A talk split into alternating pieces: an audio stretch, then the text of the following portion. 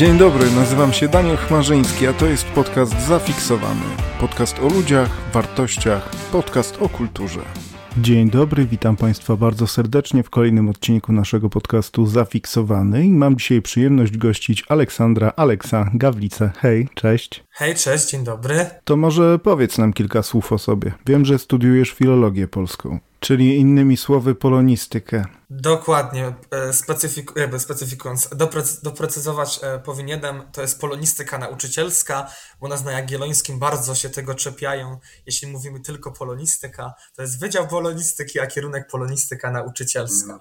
No tak, trzeba podkreślać swoją odrębność. Alma mater, dokładnie. To ty już teraz po sesji, to jak tam poszło? Na którym roku jesteś teraz? E, no teraz skończyłem pierwszy rok. Sesja była niezwykle wymagająca, też zważywszy na pogodę w Krakowie, która była iście piekielna naprawdę. Było gorąco, ale udało się i teraz na drugi rok e, sobie wędruję od października. Super, gratulacje, ale wiesz jak to jest. Na pierwszym roku najciężej, a potem to już z górki. System eliminacji studentów jest aktywny, jak to się mawiało.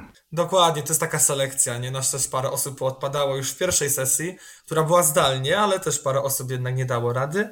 No i teraz też trochę selekcja, ale zawsze mi mówili wszyscy, że po pierwszym roku już jest takie w miarę ustatkowanie. Ja, ja mam takie wątpliwe, wątpliwą ufność do tego stwierdzenia, ale myślę, że, że tak będzie, że teraz już spokojnie pójdzie z górki.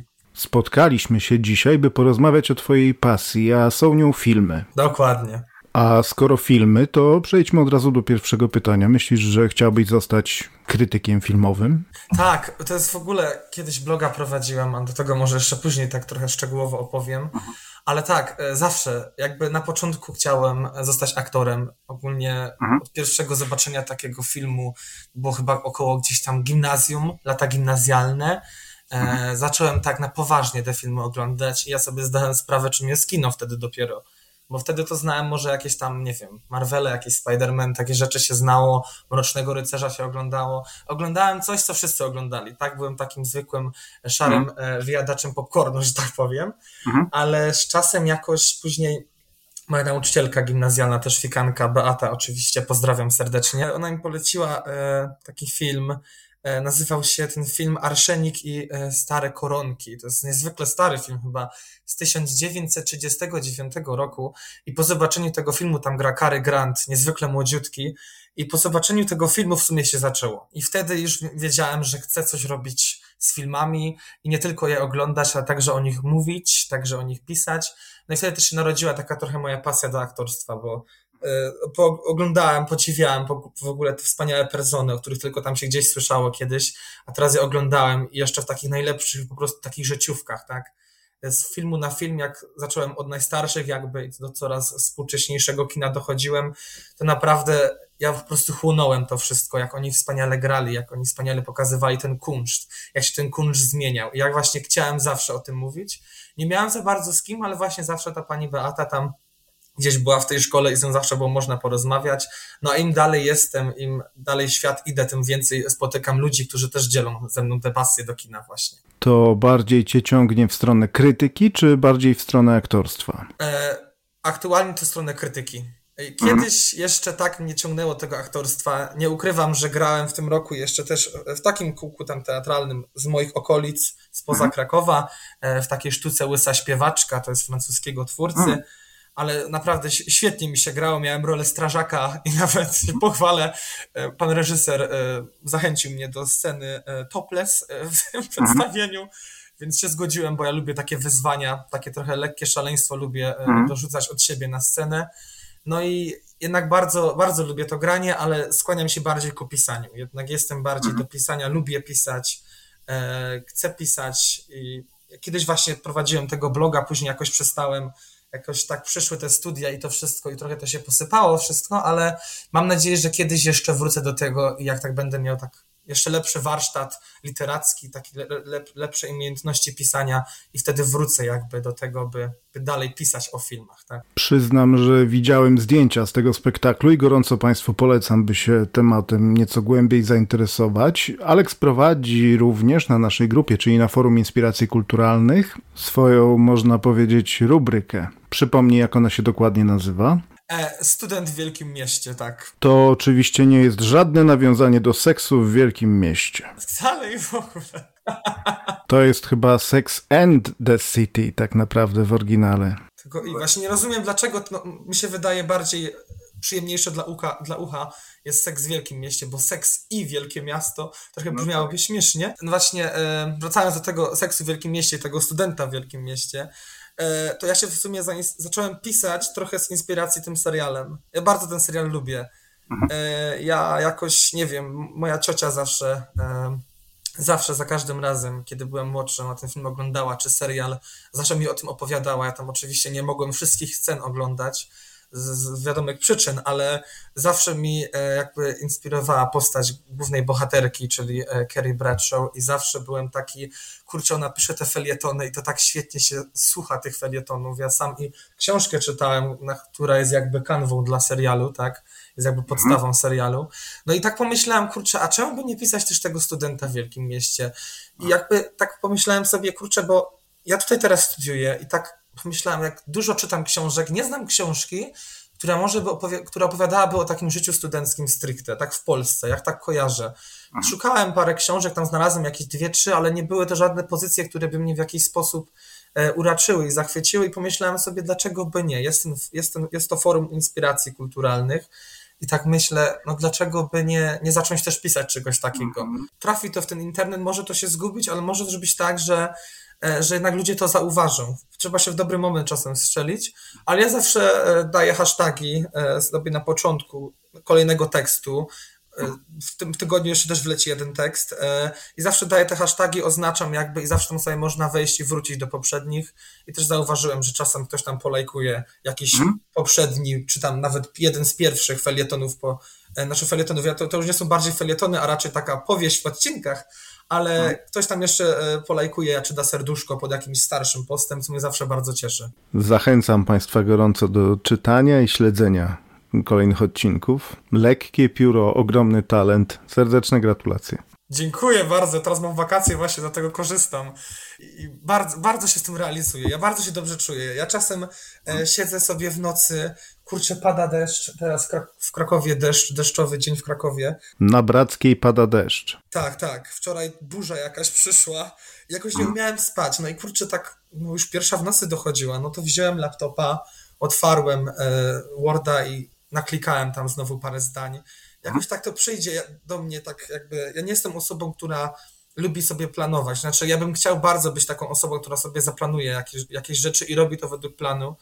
Ale mi się wydaje, że ja po prostu jestem zbyt rozszczepany, by tak mieć. Ja po prostu potrzebuję przypływu chwili i w tym przypływie tej chwili mogę właśnie zacząć pisać. I wtedy mhm. się najbardziej realizuje. Gdybyś chciał to usystematyzować, to polecam książkę pani Katarzyny Bondy pod tytułem Maszyna do pisania. O, to będę sobie musiał zanotować później. W tej tematyce zasugeruję jeszcze książkę, którą napisała pani Joanna Wrycza-Bekier pod tytułem Magia słów i Stephena Kinga Jak pisać pamiętnik rzemieślnika. A to nawet nie wiedziałem, że taka książka istnieje. Gorąco polecam. Myślę, że tam znajdziesz wiele cennych wskazówek. To świetny, świetny pomysł, żeby to właśnie sobie przeczytać na wakacje. Myślę, że skorzystam.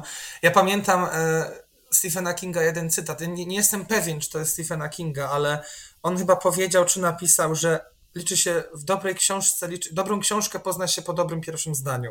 Mhm. Dobre pierwsze zdanie, czy pierwsze słowo, tutaj trochę tego e, ja sobie jakby dopowiadam chyba, ale tam tylko mówię, coś to było w ten deseń, że e, dobrą książkę, jak zaczynamy czytać książkę, to już po pierwszym zdaniu wiemy, czy to będzie dobra, czy zła książka. I mi się mhm. wydaje, podobnie mam z moimi felietonami, czy tam tym moją powieścią w odcinkach. Jak kiedy zaczynam pisać, to zawsze to pierwsze zdanie jest najtrudniejsze bo człowiek mhm. powinien w tym pierwszym zdaniu ująć cały jakby sens kolejnej treści, która będzie za nim, tak? On jakby jest tym pierwszym. On przoduje, mhm. on rozpoczyna, on nam otwiera drzwi do dalszej historii i właśnie bardzo się zgadzam z tym stwierdzeniem właśnie, z tą zasadą jakby pierwszego zdania, że tak to nazwę, że trzeba jednak umiejętnie skonstruować taki jakby ten początek tej książki, bo wtedy ona jakby nas wkręca totalnie. A jeśli nas nie złapie to pierwsze zdanie czy ta pierwsza strona, to myślę, wtedy to już nie ma sensu w ogóle, żeby pisać dalej. Stateczny, pulchny Buck Mulligan wynurzył się u wylotu schodów. No tak, ale przechodząc już powoli do tematu, dla którego się tu spotkaliśmy, powiedz, który z filmów ostatnich lat zrobił na tobie największe wrażenie? No to tak, to mam parę tych filmów, ale powiem ci o najświeższym, myślę na topie, byłem dwa dni temu, nie, dwa dni, cztery dni temu byłem na Oppenheimerze. No właśnie, i jak ta Barbie? Barbenheimer. Bo to jest film, który może się wydawać, to będzie film o tym, że chłop zrobił bombę, zrobił bum bum i zrobił straszne rzeczy. Ale ta bomba to w sumie w całym filmie to raz tak wybucha porządnie. Jestem niszczycielem światów. Tak, i to jest takie mroczne, jestem Bogiem, bo tam padają takie słowa, takie... Od razu widzę tego obcego z Prometeusza. I tak, tak, tak, ten taki biały jakiś, taki czarne oczy tam strasznie byli. Ale e, Oppenheimer, powiem ci, zachwy- zaskoczył mnie ten Nolan, bo on to zawsze chciał jakieś, wiesz, filozoficzne takie przemyślenia wplatać, ale czasem to było takie łopatologiczne, nie?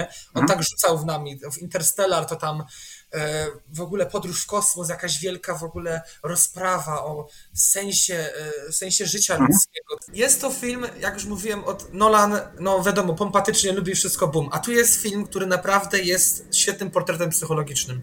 To jest jedna wielka taka rozprawa o, o jakby konsekwencji naszych działań, o tym, na ile my jesteśmy odpowiedzialni za to, co zrobimy. Bo mógł ten Oppenheimer sobie tę bombę zbudować, on tam się, on tam się jakby, on tam jakby się nie przyznaje do tego, że on ma krew na rękach. Na początku on mówi, że on tę bombę zbuduje, bo on ma taki rozkaz. On tak, on ją buduje, bo on prowadzi badania, on to robi dla, w celach naukowych, tak? Tam jeszcze się broni też tym, że Nobel też, Alfred Nobel stworzył dynamit, tak? Który miał służyć całkowicie czemu innemu ale z drugiej strony tam wiele osób wtóruje w tym filmie, no ale Robert, no doktorze Oppenheimer, że tak, tak mówią, ale co ty chcesz, nie wiem, jakiś, co ty chcesz tą bombą wysadzić, do czego ona ci jest? Ona jest tylko stworzona po to, by niszczyć. To jest niszczycielska maszyna o boskiej, boskiej mocy po prostu sienia zniszczenia, tak? I właśnie na początku oglądamy ten film, mamy wrażenie, dobra, no to będzie film taki typowy, dobry film amerykański, taki trochę w stylu Clint'a Eastwooda, mamy tych świetnych Amerykan Amerykanów, którzy chcą tutaj wygrać wojnę, więc dobra, budują te bomby i tam jest stres, raz nie ma, ale później po, po, po przetestowaniu tej bomby mamy ten moment tego wybuchu. Ogólnie to jest jeden z najbardziej stresujących momentów, jakie ostatnimi czasy miałem przyjemność podziwiać w filmie jakimkolwiek, bo nogami tupałem, paznokcie obgryzałem na moment przed testem tej bomby Trinity jeszcze ta bomba się nazywa, w dodatku takiej boskości mm -hmm. trochę Oppenheimer jej nadał, że ta trójca, tak? I, y, y, no, i zrzuca tę bombę i mamy ten moment tego wybuchu i mamy taką ciszę. I, słuchajcie, słuchaj, e, sala była cicha. Była taka cisza, no mnie aż ciary przeszły w tym momencie. Ja też nie chcę całego filmu tu wyłożyć, bo to trzeba zobaczyć na żywo i to trzeba zobaczyć w kinie. Ja podkreślam, to jest film, który trzeba zobaczyć w kinie, w odpowiednim nagłośnieniu i ja niestety, jak nie jestem zwolennikiem multiplexów, to ja naprawdę polecam pójść do jakiegoś IMAXa, czy do jakiegoś dużego kina, do jakiegoś Cinema City albo Heliosa, bo to musi być dobre e, udźwięcznienie sali, e, to musi być dobre, nagłośnienie sali, przepraszam, to musi być dobry ekran, to musi być dobre miejsce w kinie. Nawet sam Nolan e, wrzucił na Twittera salę, E, schemat sali i zaznaczył, gdzie najlepiej usiąść, żeby, żeby w najlepszy sposób doznać tego filmu. Bo ten film to jest doznanie, to jest takie katarzis później człowiek osiąga po tym filmie. Ale jakie jest to katarzis? To jest takie trochę słodko-gorzkie to katarzis, bo jednej strony czujemy, że to już było, ale z drugiej strony właśnie zobaczyliśmy film, który w pewien sposób zaczął e, nuklearną, jakby nuklearny wyścig, wyścig zbrojen, który w sumie trwa do dziś. No mieliśmy później tę zimną wojnę, czyli w sumie jest w pewien sposób następstwo tego, co zrobił doktor Oppenheimer. Ale mhm. właśnie ostatnia scena tego filmu e, wryła mi się strasznie w pamięć. Tam też mam, mamy przyjemność oglądać w tym filmie e, Alfreda, e, Alberta Einsteina i mm, jest świetnie zagrany ten Albert Einstein. On ma tam bardzo, nie ma tam jakiejś dużej roli, ale każde jego pojawienie się w filmie to jest taki jakby, on przychodzi w odpowiednim momencie, on jakby tutaj pełni pewną, takim archetypem trochę jest, który jakby próbuje w tym Oppenheimerze mm, obudzić w jakimś stopniu takie przemyśl to jednak, zrób to inaczej, coś zrobił, nie? Bo tam jest w ogóle cała narracja filmu jest trochę pocięta. Momentami może się człowiek zgubić, to trochę na minus tego filmu, bo tam na początku mamy parę jakby e, płaszczyzn czasowych, ale w sumie to się zaczyna robić klarowne dopiero na koniec, bo to się tak fajnie spina w taką klamrę. Tu mamy taką kompozycję tego filmu klamrową.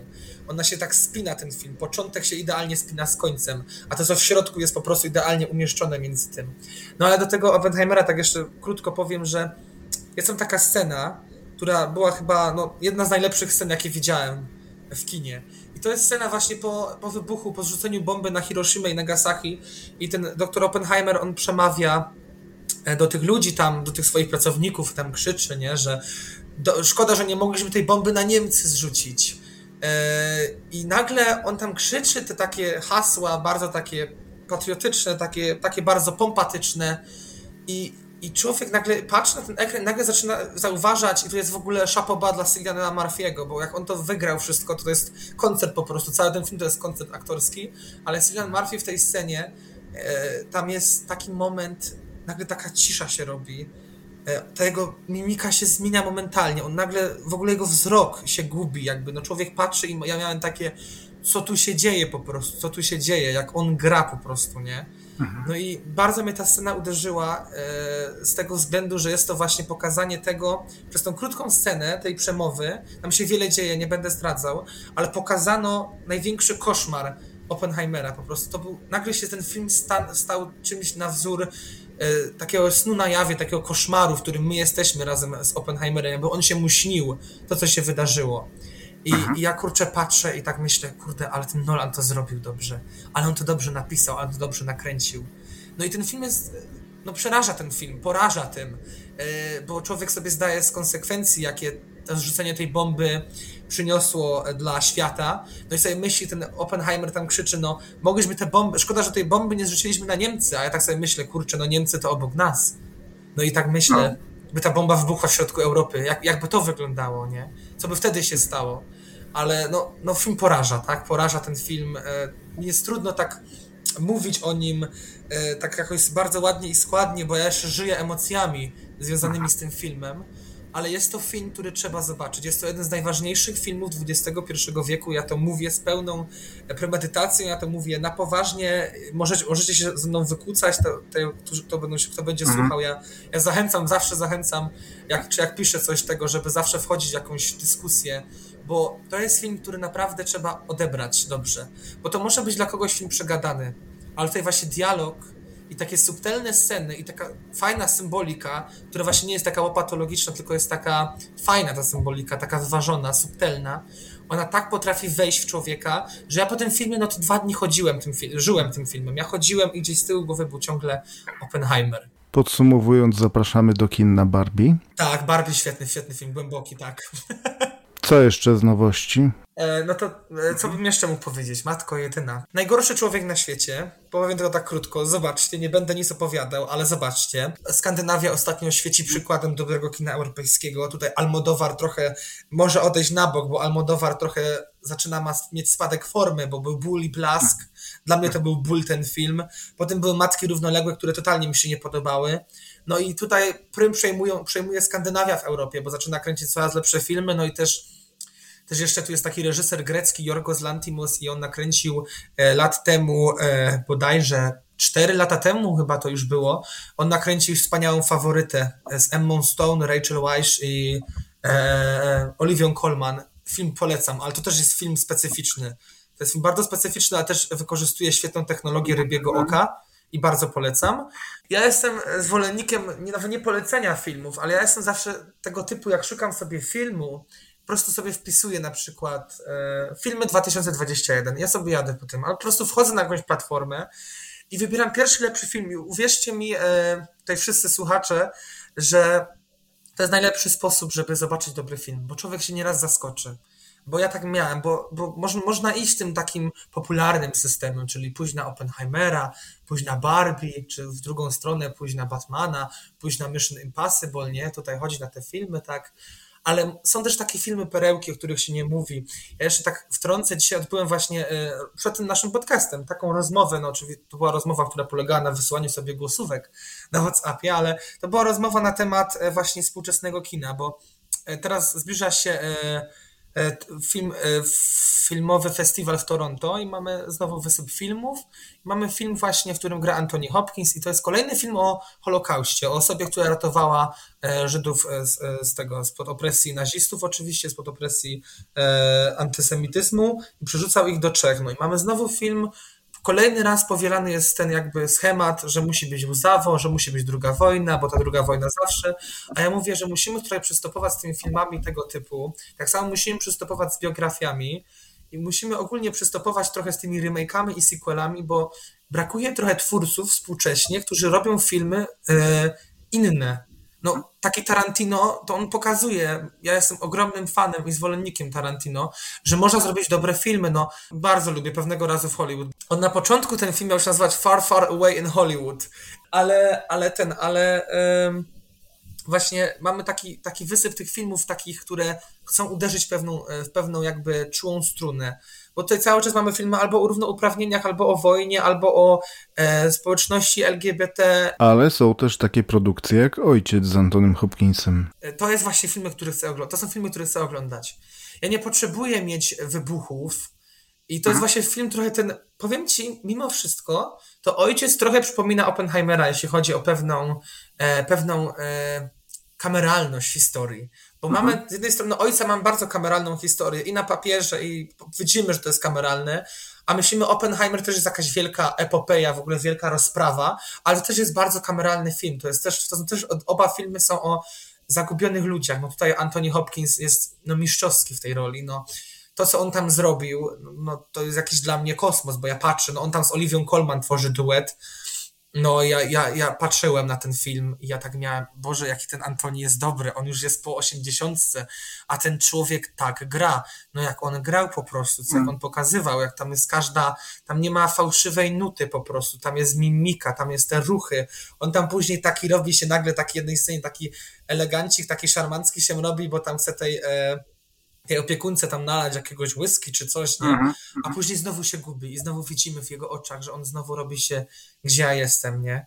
No i teraz mi przypomniałeś, dobrze, że mi powiedziałeś o tym ojcu, bo jeszcze chcę polecić też, no to już jest film z 2014, ale jest to film, który nazywa się Motyl i tam gra e, e, e, Julian Moore i to jest też film o podobnej tematyce, też o chorobie, jaką jest Alzheimer, tylko tutaj w, w ojcu dotyka to już starszego mężczyzny, a w motylu dotyka to 50-letniej kobiety, w dodatku e, profesory, tak, więc... Polecam gorąco Zanim zasnę z 2014 z Nicole Kidman, Colinem Firthem i e, Markiem Strongiem. Świetna intryga o tym, jak to kobieta właśnie, nie spoilerując, nie zapamiętuje twarzy. O, to ja muszę zobaczyć, to koniecznie. Ja bardzo lubię, no. no. bardzo lubię Colina i bardzo lubię Nicole Kidman, tak? A powiedz, co, jak uważasz, z tych staroci filmowych mm, sprawdziłoby się wśród młodych pokoleń? Ludzi w twoim wieku, trochę młodszych, trochę starszych? O, to mnie zaszczeliłeś tym pytaniem, bo powiem ci tak. Y, jeden jest problem ze starymi filmami. One, są, one mogą być czasem takie dla, dla niektórych osób przerysowane. One mogą być dziwne, bo są pewne zabiegi w filmach, no, które są dziwne. Y, ale na przykład, no, co bym mógł polecić tak z czystym sumieniem? No dla mnie takim filmem, który naprawdę jakby przeszedł taką, przeszedł jakby e, tę próbę czasu, to jest na przykład, no to już trochę taki mniej klasyk, ale Ojciec Chrzestny, no Ojca Chrzestnego chyba każdy młody kojarzy. To jest taki film, mi się wydaje, wiesz, który jednak y, nadal jest y, powtarzany. Ja też byłem w styczniu czy w lutym e, tutaj w kinie pod Baranami w Krakowie robili taki mini maraton, mini festiwal weekendowy z Ojcem Chrzestnym przez trzy dni, puszczali wszystkie trzy części. Było wiele młodych osób. Ale są jeszcze, to, ale Ojciec Chrzestny, powiem Ci, to ja na przykład nie jestem jakimś największym fanem tego Ojca Chrzestnego, bo wszyscy go odpieją tutaj zachwyty, a ja jestem taki, no dobra, to jest dobry film, ja mu nie umniejszam, ale to nie jest film, który mnie by kupił po prostu. Wolisz chłopców z Ferajny. Na przykład tak, albo lubię pewnego razu w Ameryce. Mimo, mhm. że to jest za trochę za długi film i trochę też to jest film, który e, jest to przerost formy nad treścią, bo tutaj, tutaj jest w ogóle tutaj Sergio Leone trochę poleciał, a to też jest dlatego, że e, tam wytwórnia filmowa trochę ten film po, poucina, poucinała, tam powycinała parę fragmentów. Tak samo dużo młodych ludzi lubi lśnienie, tak? Wszyscy kojarzą lśnienie. Ale mhm. są też takie filmy, a to są jednak filmy takie już bliżej nas, a ja, ja bym się skłaniał, żeby właśnie też zaczęliśmy oglądać, no młodzi ludzie, no ja mam 20 lat i ja mhm. mówię, kurde, są takie filmy, no nawet nie te komedie, no ale na przykład ja bym polecił każdemu e, przeminęło z wiatrem. Ja wiem, że to nie jest łatwy film, to nie jest film dla mhm. każdego. To może się coś tym filmem bardzo może się na tym filmie odbić, bo na tym filmie się można odbić. Ale to, to jest taki kunszt, na litość boską, to jest taki kunszt w tym filmie, jak to jest zrobione, jakie tam są kadry, jakie tam są zdjęcia, jakie tam są stroje i ta Vivian Lee, jak ona tam wychodzi, jak ona ma teksty, no przecież to jest, to jest świetne. I ja mówię, takie filmy trzeba oglądać. Casablanca, ja kocham Casablankę, tutaj takimi romansami trochę rzucam, ale no w tamtych e, w latach 40. te romanse jednak królowały, tak? Jednak tam mało który film był bez romansu. A tramwaj? Tramwaj, Jezu, tramwaj kocham. Tramwaj zwany pożądaniem. Właśnie miałem przyjemność też w kinie zobaczyć, bo e, podczas właśnie pandemii, do tej pandemii wracam, ale podczas pandemii to kino Helios e, robiło takie chyba pół, dwa miesiące to były, czy trzy miesiące, bo były wakacje z klasyką. I tam mhm. właśnie puszczali e, klasykę i tam właśnie miałem przyjemność zobaczyć parę filmów. No i między innymi Tramwaj zwany pożądaniem po raz pierwszy tam zobaczyłem. No, Marlon Brando, no, no świetna rzecz. Też później, e, jakby ktoś zobaczył Tramwaj zwany pożądaniem, ja serdecznie polecam później zobaczyć e, Blue Jasmine z Kate Blanchett, bo mhm. e, to jest jakby taka trochę to jest reinterpretacja trochę tramwaju zwanego pożądaniem w Blue Jasmine. To jest reżyseria Woody Allen. No ja tam nie będę się o Woody Allenie wypowiadał, mimo że jestem fanem mhm. jego filmów, ale nie jako osobie, ale polecam bardzo serdecznie Blue Jasmine, bo, bo, bo Kate Blanchett robi robotę i jest to jeszcze świetne właśnie nawiązanie, taka reinterpretacja e, tego, co robi właśnie tramwaj zwany pożądaniem. Ale co jeszcze ze starych filmów ja bym mógł polecić? Ja jeszcze bardzo polecam e, ja oglądałem ostatnio stare, mamy takie współczesne remake'i tego filmu Oceans 12, 11, mm, tak? Mm, to mm. mamy też starą wersję, tam gra między innymi Frank Sinatra. E, ja bardzo polecam ten film, go się świetnie mhm. ogląda. Też, e, też bardzo polecam e, film, tak najbardziej bym polecił, młodym tutaj w moim wieku, Hitchcocka. Ja mhm. jednak się skłaniam do tego, że Hitchcock jest bardzo wyprzedził swoje czasy.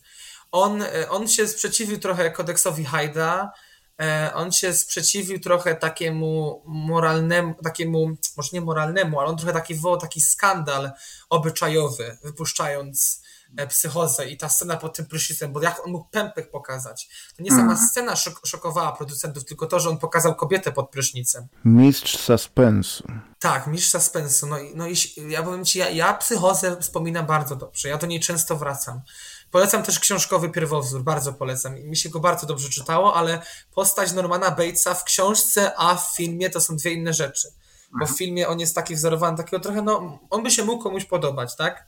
Jest szczupły, wysoki, ciemne włosy, a w książce to jest taki grubszy, starszy już trochę mężczyzna w długich blond włosach, e, jakiś tam, nie wiem, ma jakieś krosty na twarzy, no to w ogóle, mhm. jak gdyby takiego jeszcze tam pokazał, no to w ogóle by to siało terror, tak? Ale on hmm. tu, widzisz, on tu widzisz, Hitchcock pokazuje w tym filmie też to, że zło drzemie w każdym jednak. I w tym ładnym, i w tym brzydkim, że tak powiem. I w Kenie, i w Krakenie. Dokładnie, dokładnie. I w Kenie, i w Krakenie. To jest dobre powiedzonko.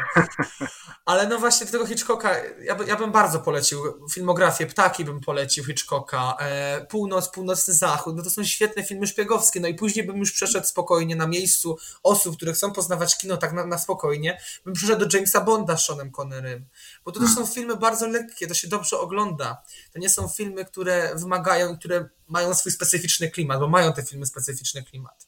Bo ja, ja osobiście z takich starszych filmów, to ja cenię bardzo Słodką Irmę, też ci polecam, jak nie widziałeś. Mhm. Tam gra Shirley MacLaine i mhm. Jack Lemmon i, i, no, no i piękny film. Piękny film, komedia też, taka trochę kanwa mi się wydaje dla Pretty Woman momentami, ale nie, nie do końca, ale też w pewien sposób nawiązująca. A Pretty Woman też? E, no, lubię. Czasem zobaczyłem raz i więcej nie będę oglądał, nie? No, film jak film. Ale bardzo lubię Richarda Gira i bardzo lubię e, Julia Roberts, ale moim zdaniem oni się sprawdzają w innych filmach lepiej. E, to od razu powiem, że moim zdaniem to Richard Gere jest najlepszy. Najlepsza jego rola to jest w Chicago i powinien za nią dostać Oscara, bo on tam gra świetnie. On tam śpiewa, on tam tańczy, on tam jest szarmancki, on tam jest zabawny, go się świetnie ogląda na tym ekranie. Mhm. A Julia Roberts, no to oprócz Erin Brockovich, to tak wszyscy mówią, że najlepsza, najlepsza rola jest e, w sierpniu w hrabstwie Osycz. Też jest to mhm. nowszy film i ja też go bardzo polecam, jak ktoś lubi takie kameralne właśnie widowiska. Ja tam ją wolę jako dzwoneczka. jako dzwoneczka. dobre, dobre, dobre. Kraken, Kraken, Kraken. dzwoneczkiem.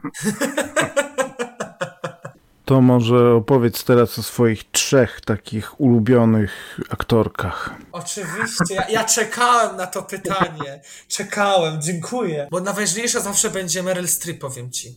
No właśnie. Jednak będzie ta Meryl Streep zawsze na pierwszym miejscu, mimo że teraz jej tak nie wielbię, bo jednak nie mam jej w czym oglądać, ale w sierpniu wraca w serialu e, Zbrodnie po sąsiedzku na Disney+. Plus. Widziałeś ją w Nie patrz w górę? E, scena po napisach mnie trochę trochę poruszyła, jak ją... E, jak ją ptaszysko zeżarło. Nie dość, że była naga, to już została pożarta. ale to było, ale to powiem ci, trzeba mieć dystans do siebie, bo mamy tutaj taką Meryl Streep, za to ją kocham trochę, bo ona też, ona zawsze sobie szanowała... E, szanowała sobie jakby prywatność, ja też ją za to bardzo szanuję, że ona nigdy nie musiała robić wokół siebie wielkiego halo, nie? Jakby, jak, mhm. jak to robiły inne, niektóre celebrytki, czy tam gwiazdy, bo jednak nigdy nie nazwę Meryl Streep celebrytką, nigdy mhm. jej nie nazwę gwiazdą, dla mnie to jest aktorka, to jest artystka. I dla mnie takich artystów coraz bardziej brakuje, bo mamy jeszcze takich e, w kinie, polskich też, no, no możemy zaobserwować, ale właśnie Meryl Streep dla mnie zawsze będzie do końca po prostu mojego życia. Ja będę zawsze mówił, że Meryl Streep to nie była gwiazda, to nie była celebrytka, to była aktorka, to była artystka, to jest artystka, to jest aktorka. Jessica Chastain grała Polkę w filmie tym w Zoo. Tak, Azyl, Azyl. A Meryl grała Polkę w słynnym... E, wyborze Zofii. Aż jej dziecko miało dość, kiedy ćwiczyła polski. Tak, tak, tak. E, jeszcze ona, też jest ciekawa historia, bo ona bardzo podziwia Elżbietę Czyżewską, polską aktorkę. I ona się od niej uczyła tego polskiego, w ogóle ona chodziła, w tym czasie Andrzej Wajda e, e, reżyserował spektakl w Stanach Zjednoczonych właśnie z Elżbietą Czyżewską i Meryl Streep chodziła do Andrzeja właśnie i do Elżbiety i uczyła tam się polskiego. Jeśli dobrze pamiętam tę historię, ale mamy rok 80, chyba to jest trzeci, kiedy ten film wychodzi, no i mamy tę Meryl Streep, która no zaczęła dopiero swoją karierę. Ona mimo wszystko, patrząc na współczesnych aktorów hollywoodzkich przede wszystkim, to ona zaczęła karierę dosyć późno. Ona, ona zaczęła karierę, zaczęła tak istnieć dopiero w wieku 30 lat, czyli no powinna według takich zasady w wieku 20 już grać, ale Meryl na swoich warunkach, ona skończyła sobie szkołę, ona w ogóle ciekawostka mieszkała na studiach z Sigourney Weaver, one są rówieśniczkami, one, one tam, tam się znają dziewczyny i i, no i Meryl y, grała już wtedy, miała na koncie jednego Oscara za sprawę y, Kramerów. Y, odbierała w ogóle tego Oscara w sukience ślubnej, bo nie, nie było jej, jej stać na inną sukienkę. Ty mówisz sprawa Kramerów, a ja od razu widzę Hoffmana i Tutsi. Tak, Tutsi, tak. Ale świetny jest Tutsi, jeju, ta, no. Dustin Hoffman jest świetny. Też polecam serdecznie właśnie Tutsi, taki też z klasyków no. już można powiedzieć.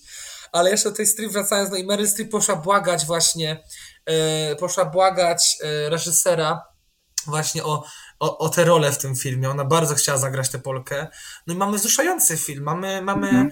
Wzruszający film o miłości, mamy wzruszający film o trójkącie miłosnym, mimo wszystko. Mamy film o dziedzictwie, mamy film o ucieczce, mamy film o właśnie tym wyborze i ten tytułowy wybór, ja nie będę zdradzał, jaki on jest, ale jest mhm. niezwykle ciężki. Mimo, że film już też ma swoje lata, może nie, czasem być taki e, trochę e, sztampowy, można powiedzieć momentami, bo ma takie, mhm. ma takie zabiegi e, artystyczne, tam jedna taka scena jest w Wesołym Miasteczku, tam jest tak dziwnie ekran przyspieszony, ale tak czy siak ja ten film polecam, bo ten film łamie. Tam jest taki długi monolog przy końcu filmu, który właśnie Meryl Streep opowiada, no, jej, jej, jej bohaterka nazywa się Zofia, ona właśnie opowiada o tym, co się wydarzyło, jak ona tutaj się znalazła i czym właśnie jest ten tytułowy wybór. I ten wybór łamie, łamie serce. No ale później jeszcze właśnie ta nasza Meryl Streep, no ona, ja ten film zobaczyłem jako jeden z ostatnich z jej filmografii. Jakby ja nigdy nie byłem na ten film gotowy. Ja się go strasznie bałem, się przyznam. Bo ja lubię na przykład bardzo listę Schindlera, ale jednak ten film jakoś tak mnie przerażał. A taki twój top, jeśli chodzi o Meryl, gdybyś miał wymienić pięć tytułów. Taki top, no to już ci mówię, to jest tak. Na pewno e, co się wydarzyło w Madison County, to jest numer jeden. Mhm. Z Clintem Eastwoodem. Ryczę za każdym razem, jestem po prostu jak mops, jestem złamas E, no, płaczę zawsze na tym filmie, jakoś mnie ten film urzeka, bo to jest film, ja powiem zawsze, to jest, to jest film, który pokazuje prawdziwą miłość. Żadne bajki, żadne jakieś te, to jest miłość dojrzała i prawdziwa. Mhm. E, dalej bym powiedział, że to będzie wybór Sofii właśnie, bo film niezwykle ważny, nie dlatego, że Oscarowy, ale niezwykle ważny po prostu dla mnie osobiście, bo, bo bardzo mnie uwrażliwił na pewne kwestie i bardzo ten film przeżyłem. E, tak, co jeszcze mogę powiedzieć? Na pewno tak z komediowych oczywiście pozycji, no to Mama Mia. Ja mhm. wiem, ten film nie jest jakiś wybitny, ale ona jest tam taka fajna. Oni tam są wszyscy, no Pierce Brosnan mhm. tam śpiewa jak śpiewa. A skoro śpiew, to znowu dygresja i rola Meryl jako fałszującej śpiewaczki w czym? W Boskiej Florence. Cudowna. Cudo, jak ona tam pięknie fałszuje.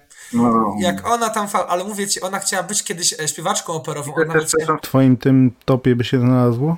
E, myślę, wiesz to, że to byłoby szóste miejsce, bo ja bym do tego topu jeszcze dodał Sierpień Frapsy Osycz właśnie. Aha. I oczywiście najwspanialsze godziny po prostu, które wielbię. no tak. Nicole z tym nosem przerobionym. No, For the Nose. Pamiętasz, no. nie wiem czy pamiętasz, to jak Denzel Washington jej wręczał Oscara i powiedział And the Oscar goes to For the Nose tak. Nicole Kidman, tak. Fajne są te płaszczyzny czasowe, które się przenikają i tam Ed Harris gra tego homoseksualistę, chorego na AIDS, dobrze pamiętam? Byłego jakby męża, partnera Meryl, bo tak, jakby to tak, jest w ogóle zabawne, tam, tam, tam są takie, takie złożenia, bo Meryl jest w tym filmie jakby jest w lesbijskim związku, mhm. E, ale z drugiej strony była kiedyś z nim, a on teraz też jest e, jakby homoseksualistką. Ale, ale powiem ci, e, ja bardzo ten film lubię. Ja powiem ci, on jest strasznie ciężki. Tam jest i słońce przygnębiające w tym filmie, mhm. ale jakoś tak, wiesz co, jak patrzę na nie, on mnie z drugiej strony też w jakiś sposób tak uspokaja ten film. A jak godziny i ta rzeka i to samobój, bo dobrze pamiętam, nie? Tak, tak, to dwa razy. Melancholia von Tira. I Jezu, tam... jaki film, jaki film, jaki, jaka ona jest świetna, ta... E... To jest ten sam klimat, wiesz, to taki tak. ten klimat samobój, samobójczy, taki... Taki no, depresji, tak, to jest właśnie... Tak, ona płynie właśnie... tam w tej sukni ślubnej, Świetne. daje się ponieść nurtowi, nie? Jest nawiązanie do tego obrazu, właśnie nie pamiętam niestety autora, ale, no. ale powiem ci właśnie, to są filmy, widzisz, kolejny raz to, co ci mówiłem na początku, że mamy wysyp takich filmów, takich bardzo określonych tematykach. Patrz, mamy taką melancholię i tutaj e, Fontier, e, on, on zrobił film, który z jednej strony opowiada o końcu świata, z drugiej strony opowiada o po prostu psychologii, o psychice. O która relacjach. Jest, tak.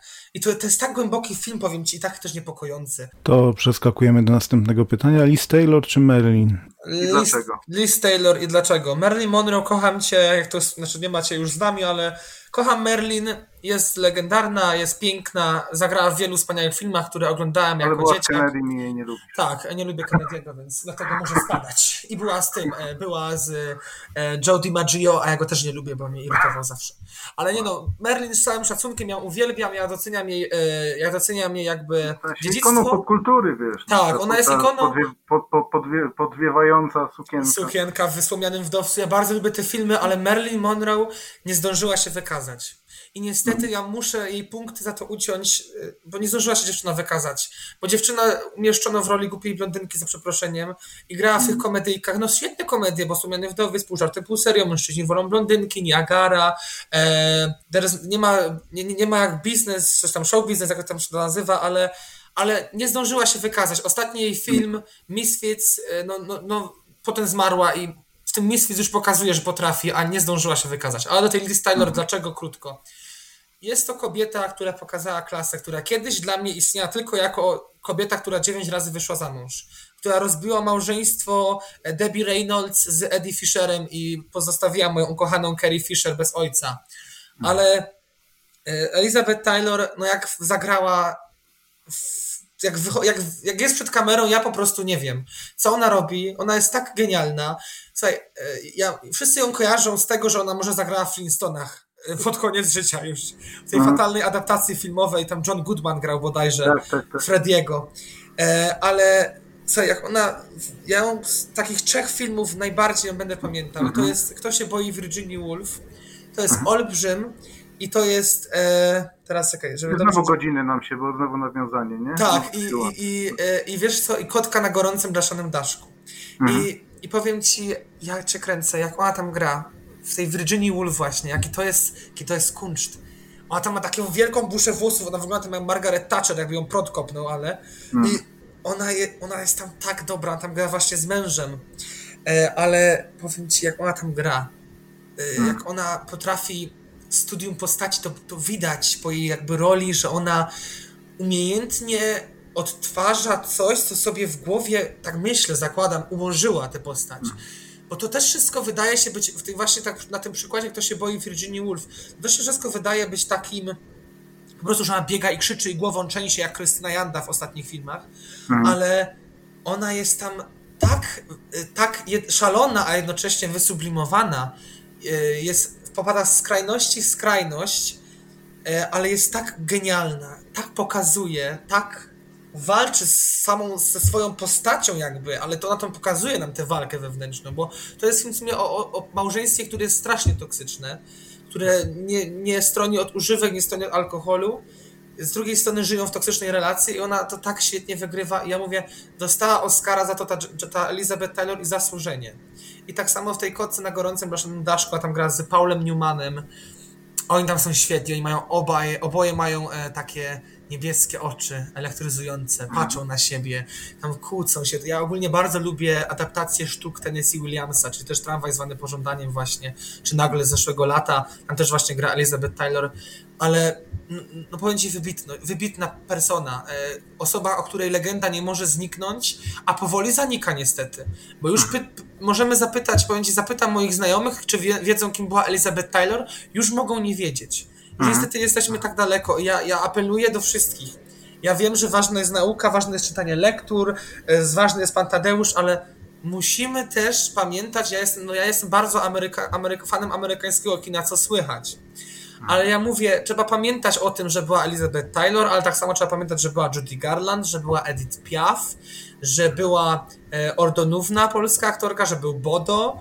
E, trzeba o tych wszystkich aktorach i o tych ludziach pamiętać, bo to jest nasze dziedzictwo, to jest kultura.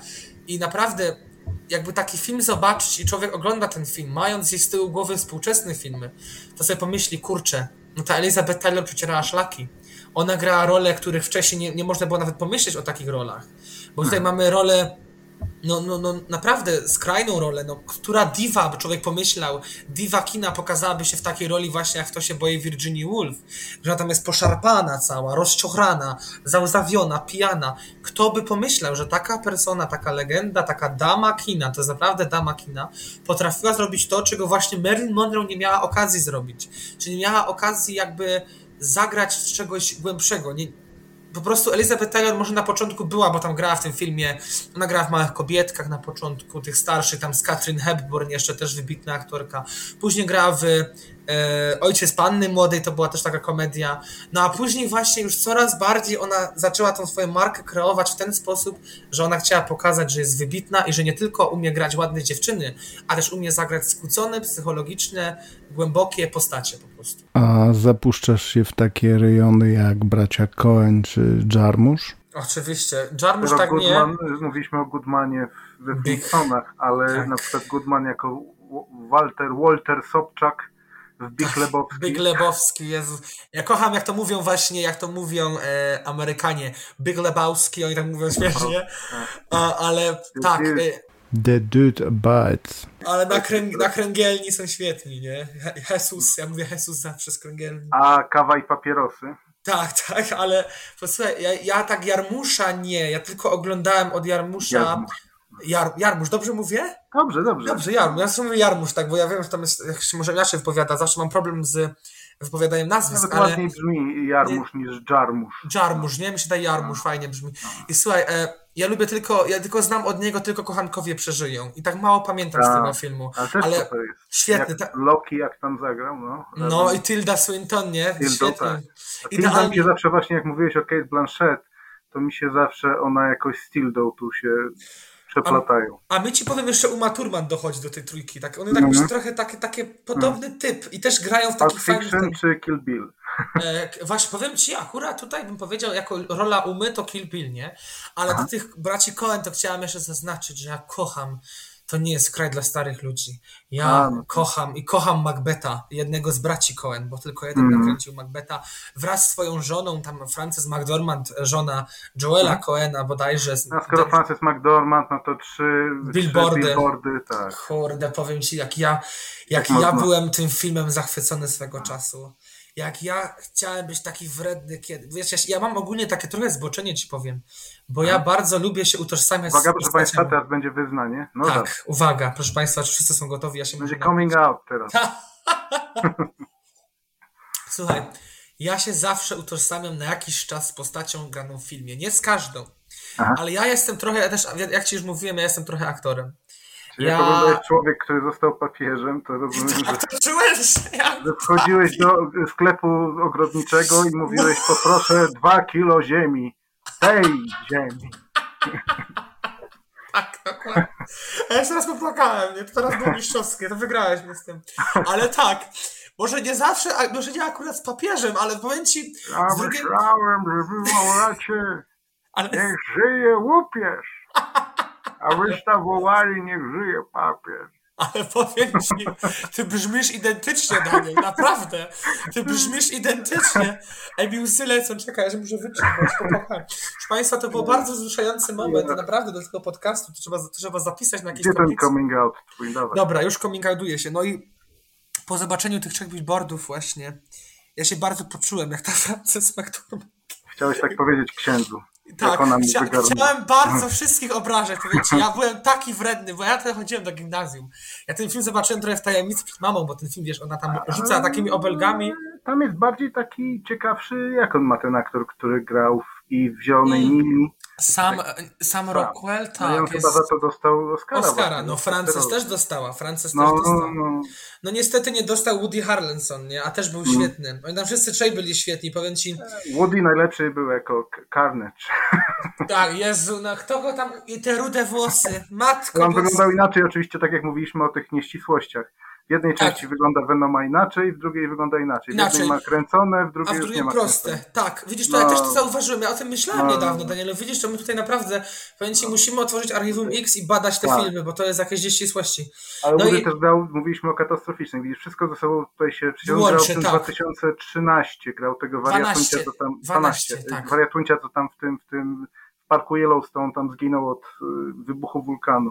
Tak, tak, to było. Tak, I jest. Krzyczał, on mówi, że jedź z nami. On, nie, to jest takie piękne, wiesz. Ej, ta, on tam był w tym filmie faktycznie. on grał tam przecież te ogórki, on często ogórkami tego. Tak, Boże, ale ta, ten film był taki zły. To był taki no. zły. Ale A ten główny bohater, który uciekał, to grał z kolei w tym pokój numer Kinga. Y, jak ten pokój? 213? I wiesz, że tam też są dwa różne zakończenia, trochę jak efekt Mandeli. Są, tak, tak. Film ma nakręcone dwa różne. Raz, że on się uwalnia z tego pokoju hotelu. A raz, że nie. Aha. No, no, no, no. Ale słuchaj, e, w ogóle a propos efektów e, i a propos aktorów, to nie wiem, czy słyszałeś o efekcie Barbary Streisand. Nie, chyba. Słuchaj, to się muszę opowiedzieć, bo to jest bardzo ciekawa rzecz. E, Barbara Streisand. Tak, Barbara Streisand. Bardzo lubiłem tę piosenkę swego czasu, ale słuchaj, no.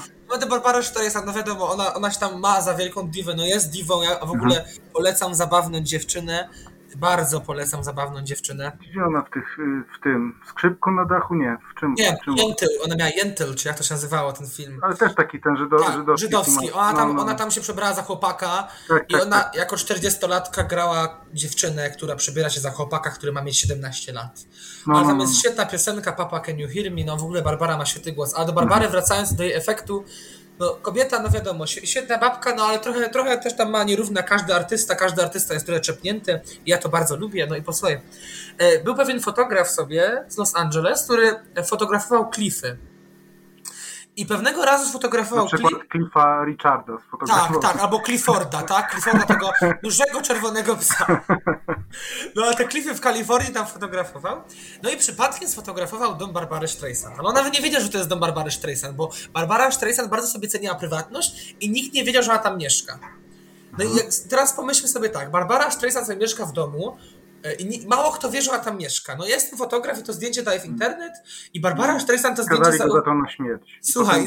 To jest Dead Man Walking. Dead Man I Hailey, tego, Hailey Berry miała z nim romans. Ale czekaj, Dead Man Walking to był nie z Zielonej Mili, nie. bo to też się kojarzy z Zielonej Mili, ale grał tam ten, ten świetny film Sean z... Penn. Sean Penn i, i, ta, i Susan Sarandon. Świetny tak, film, tak. Oscarowy też dla Susan. No, no, no, tak, no, no. tak. Ej, a to się wszystko łączy. Ej, my naprawdę mamy dzisiaj no, bardzo widzisz? świetne konekcje. Obaj mamy dużą, dużą wiedzę. Mamy. Tak, zdjęcie, no i nikt nie wiedział, że to jest zdjęcie domu Barbary Streisand. Mhm. A ona go za to zdjęcie pozwała, że on naruszył jej prywatność. I tym samym Barbara Streisand, pozywają, pozywając go do sądu, jakby no, oddając sprawę do sądu, ona pokazała wszystkim, że to jest jej dom. I to jest mhm. właśnie efekt Barbary Streisand, czyli robienie czegoś, co jakby ma odwrotny skutek. Ona jakby chciała pozostać anonimowa i zostałaby, mhm. gdyby go nie pozwała, a pozywając go, za to, że niby ujawnił jej dom, o czym nikt nie wiedział, ona sama na siebie zwróciła uwagę. No to od razu nawiązanie, od razu Iron Man, Tony Stark mówi, że do tego mandaryna, żeby go znalazł i podaje adres i nagle dom zostaje tak. zbombardowany. Dokładnie, dokładnie. I też jest na Cliffie ten dom. No, no, na, na no. Cliff Richards, tak. Dobra, na koniec było. Top 5 najgorszych filmów ostatnich lat. O matko, dobra. No to już ci mówię i teraz muszę skupić, żeby nie było żadnego tego. Oczywiście Polska, e, zacznijmy od Polski. A to, to może jest... zróbmy tak, pięć polskich i pięć zagranicznych. To będzie lepsze, dobra. To tak, zacznijmy od tego, co oglądałem. Polskie będą e, łatwe, bo wszystkie, większość jest do, do, niczego. Ale tak, miałem taką nieprzyjemność zobaczyć te filmy. Na szczęście było wino w pobliżu i to było tak. 365 dni. Chorowałem po tym filmie. E, Zenek, katastrofa klimatyczna. Potem tak, Botox widziałem. A nie, Widziałem... Botox chyba też, to jest Wegi, tak? Tak, ogólnie no, no. no. O, we, Vega to jest ogólnie powinien być. Jest inna Vega. kategoria. Jak ja powiem Vega, to już wszyscy wiedzą o co chodzi. E, czekaj, teraz jeszcze myślę. Powiem ci, strasznie mi się nie podobało nowe wesele Smarzowskiego. To było dla mnie mhm. straszne.